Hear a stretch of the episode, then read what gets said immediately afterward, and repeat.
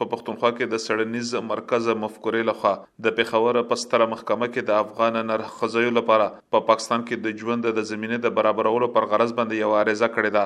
چې پکې د دولت نه غوښتنه کړې ده چې دغه خلک د خپل هیواد ته په زبردستۍ سره د ستنولو هڅې نه کیږي ځکه چې د دوی ژوند هلته کې له ګواښ سره مخامخ دی او دغه شان دوی ته دې په هیواد کې د اوسېدو قانوني اجازه ورکړې شي د یاد مرکز مشر حیات روغاني د اس بي اس راډیو سره په ځانګړې مرکه کې د دغې قضیې په اړه باندې زیاته کړه، موږ خو په قانون او په آئین باندې باور لرونکي خلک یو، موږ خو د عدم تشدد خلک یو او موږ وایو چې د هر یو لار چې هغه قانون د دې ملک آئین هغه ښایي چې هغه وډبو هغه ور او هغې نه هیله هم ده تمه هم ده د پیښور عدالت نن فیصله چې کوم ده نو لږ تر لږه دا کیس ریجیکټ نشو منزور کړ شو د اوریدو لپاره په دې کې د وفاقي حکومت نه جواب هم غوښتل شو او موږ دا پوره هیله کوو چې عدالتونه او حکومت به چې کوم دي زموږ دغه خواست زموږ دغه منت چې کوم دی زموږ د غزاري دا به ومني او د خلکو لبا کوم د بهر تللو دي کیسونه دي هغه له د بهر لار ورکی او چې کوم بهر نشیتلې هغه د بدل ته کې د باوقار ژوند تیرولو حق ورکی هوریا احمد انوري په نوم باندې دغه افغان نرخزه د خپل خلکو د حقوقو لپاره په پاکستان کې فعالیتونه کوي دوی چې د پیښور په ستره محکمه کې چې کومه رضا کړې ده چې تر څو پورې لدوی بهرني هوادونو ته کارونه خلاص نوي نو تر هغه پورې د دوی ته د قانون ترمخه په پاکستان کې د اوسېدو قانوني اجازه ورکړی شي. دوی د عریضې او د افغان نرښځیو په پاکستان کې د شمېرو په اړه باندې وویل. چې عریضه خو مونږ کړی وه، تقریبا مونږ ولس خواجه سرا او د افغانستان. هغې کې دا ذکر شوی دی تر څو پورې چې زمونږ د UNHCR کیسونه کې مونږ ځان خپل ځان راجستر کړی تقریبا شل کسان ولس کسان یو UNHCR ادارې سره هم ځان راجستر کړی دی د بهر ملک لپاره. ځکه دلته پاکستان حکومت هم مونږ ته دغه شناختی کارت نه راکې یعنی سټیزنشپ نه راکې د پاکستان او افغانستان کې هم الته نشو اوسېدې د غیزې نه خو مونږ خپل را تختېدل یو او دلته د پولیسو له خوانه تنګ یو د خلکو له خوانه هم آزار وزید د مونږ لپاره نو درخواست هم دا وکړو چې تر څو چې زمونږ دا کیسونه پروسس کیږي که هغه یو کال وخت اخلي که دوه کاله که درې کاله زمونږ لپاره د اقامت یعنی دومره زمینه برابر شي چې مونږ ته د آزار وزید د شکنجه چې کیږي دا ونه شي داسې خو اټکلي خو ویلای شم چې زمونږ ګروپ کې چې کوم یو دی افغان خواجه سرا هغه کې تقریبا 43 خواجه سرا دي نور هم دي خو زمونږ سره یعنی راجستر نه دي زمونږ ګروپ کې یا د مفکورې د ګروپ سره نه دي راجستر نو ډیر دي شمیرې کې د شې دین هم ډیر وي کې د شې د پیښور نه اخوا ته علاقو کې هم اوسېږي خو مونږ سره چې کوم یو 43 دي یا ولس خواجه سره چې مونږ های کورټ ته تلو هغې چې دې په همدې پېښور کې دننه اوسېږي. حیات روغاني چې په خپله یې په پاکستان کې د نرښځیو پر ژوند باندې څېړنې تر سره کړې دي او د لونځکې په نومه کتابي بڼه لري وې ویل چې په پښتونخوا او په افغانستان کې د نرښځیو ژوند د لوی مشکل سره مخامخ دی دوی ویل چې د پاکستان په پرتله بیا په افغانستان کې د دغو خلکو ستونزې ډېرې دي. د ډیورن کرښې نه دوه خو ته افغانستان دی او پاکستان دی د نرخزیانو ژوند ډیر زیات ګران دی خو د دې چې کوم نرخزیان دی هغه د بیا هم د یو ډاډ لري چې شهادتي کارت ورسره دی دا یو ډاډ لري چې کسه بد ورته پیښ شي نو کورونه شته دا ډاډ لري چې دلته کې تعلق شته د خلکو سره ورکړه راکړه ناسته پاسته شته د افغانستان د کوم خلک کډوال دي هغه ته پوره غړ بيخي هیڅ امکان نشته دې غاړه هغوی کور نه لري کارډ نه لري یار دوست نه لري راشه درشه نه لري بل دا چې د نرخزیانو په حواله باندې د ټولنې کمی مجموعي رویې دي نو هغه خو د زغم نه دي نو هغه یقینا چې ډیر زیات په تکلیف کې ډیر په اور کې په سیخ کې نه وتی چې کوم د ژوند تیری تکلیفونه ورته شته او د پوره غاړه داسې ده چې نیغ په نیغ ورته د مرګ ویره ده که داسې تاسو وګورئ نو د غاړه په دې سورزو کې سلور پنځه خواجه سره چې کوم دی هغه وجل شول چې په هغه کې د دوه تعلق د افغانستان سره یو په دې پېښور کې د شنغري د پول سره وجل شوی یو چې کوم دی هغه په اسلام آباد کې وجل شوی خو په پېښور کې ورغوي یا د ډیورن کرښه نه دی خو هغه زیان نسبتا ځونه نسبتا خوندي غني د کرښې ناغه طرف ته خو بيخي څه تپوس نشته هلته کې څه آئین نشته قانون نشته د نړیوالې ټولنې لخوا ورته څه قبولیت نشته نو دغه مسلې دي چې هلته کې د انساني حقوقو په حواله باندې ضمانت نشته نو هغه په دغه نسبت باندې د کرخې دی خو ځان ځونه چې کوم دی زیات خوندي ګڼي حوريه انوري وويل چې په افغانستان کې يې ژوند د لوی کړاو سره مخامخ او د ډېرې مجبورۍ له امله یې د پاکستان مخه کړې ده دوی وویل چې په ګرده هواد کې د نرخزوی لپاره د ژوند د تیرولو زمينه برابر نه ده دوی د خپل شخصي ستونزو په اړه باندې زیاته کړه ما دا درې میاشتې په پېښور کېږي زه دوه زره دوه ویشت دوه زره یوویشتم کې کله چې به طالبان واک ته ورسېد زه په افغانستان کې وم یعنې ما جاب کو هلته خو ما ته ستونزې دا وې چې د خلکو خبرې وې د ګورنمنټ مسله وه یعنې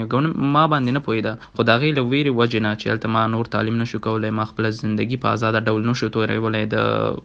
تېرولی د یو خواجه سرا په صفت نو اوس د هغې له وېرې وجې نه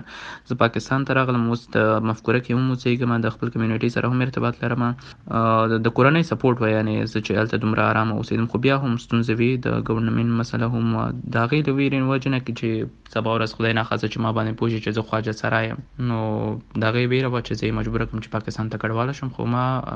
پاسپورټ او ویزه باندې دلته راغلم پاکستان کې اوسېږم هغه تر شپږ میاشتو پورې ده او دلته هم ما سره ویره ده چې مونږ کیس خو های کورټ ته ولګو بیا هم زمونږ سره ویره شته چې کېدای شي د پولیس په نوم یا نور کوم یو چې عموم خلک دي د همدې په بهانه چې تاسو افغان یا کډوال یې د پولیس په بهانه باندې موږ نه پیسې یا نور ظلم زیاتې موږ سره وشي یا د پیسو درخواست وشي یا جنسي خواهش موږ نه وشي چې تاسو ته پته ده چې خواجه سرا د کوم مشکلاتو سره مخ دي دلته په جمهوریت کې هم موږ ته حقوق او رایټس نو او په طالبانو حکومت کې خو بیخي هغه د زنانو حقوق نه ادا کوي کوم یو چې اسلام ورته ورکړی دی د تعلیم حق دی په خپل خوخه د نکاح حق دی او نور حقونه هم دي چې د خزو لپاره غوي پابندي لګولې نو خواجه سره خو بیا بيخي لري خبره ده چې غوي خواجه سره لپاره یا ترانسجندر لپاره حقوق ورکړي دا خو نو بيخي لري خبره ده او که چیرې هم په یو څوک باندې پوه شي چې دا ترانس یا خواجه سرا دی نو کې دې شماغه ځای کې قتل کې داسې کیسونه هم مالې دي چې زما فرند په فیسبوک کې نو هغوی ما سره چې مسج وکړ هغوی وویل چې زه دومره وخت کې د طالبانو په زندان کې ما ما سره ظلم او زیاتی شوی دی ما باندې جنسي تیری شوی دی نو دا پیښې خو په افغانستان کې ډیر کېږي د هغې له ویرې وجې نه موږ مجبور شو یا ایران ته لاړ شو یا خواته نور بهر ملکونو ته یا پاکستان ته کډوالېږي البته زیاتره داسې دي چې په قانوني ډول راځي او نور زیاتره چې کوم یو دي هغه په غیر قانوني ډول راځي حیات روغني د یو سوال په ځواب کې وویل چې د نرښځیو ترڅنګ په افغانستان کې د طالبانو واک ته د رسېدو وروسته د بېلابېلو هنرونو سره د تړلو خلکو ژوند د لوی کړاو سره مخامخ شو او هم د دې له امله دغه خلک دې ته اړ شول چې د نورو هېوادونو مخه وکړي. دوی وویل چې څه موده وړاندې د افغان هنرمندانو په ارامه ژوند له تېرولو لپاره د پېښور د سترې محکمې مخه وکړه او دغه شان له یوې پرېکړې ترمخه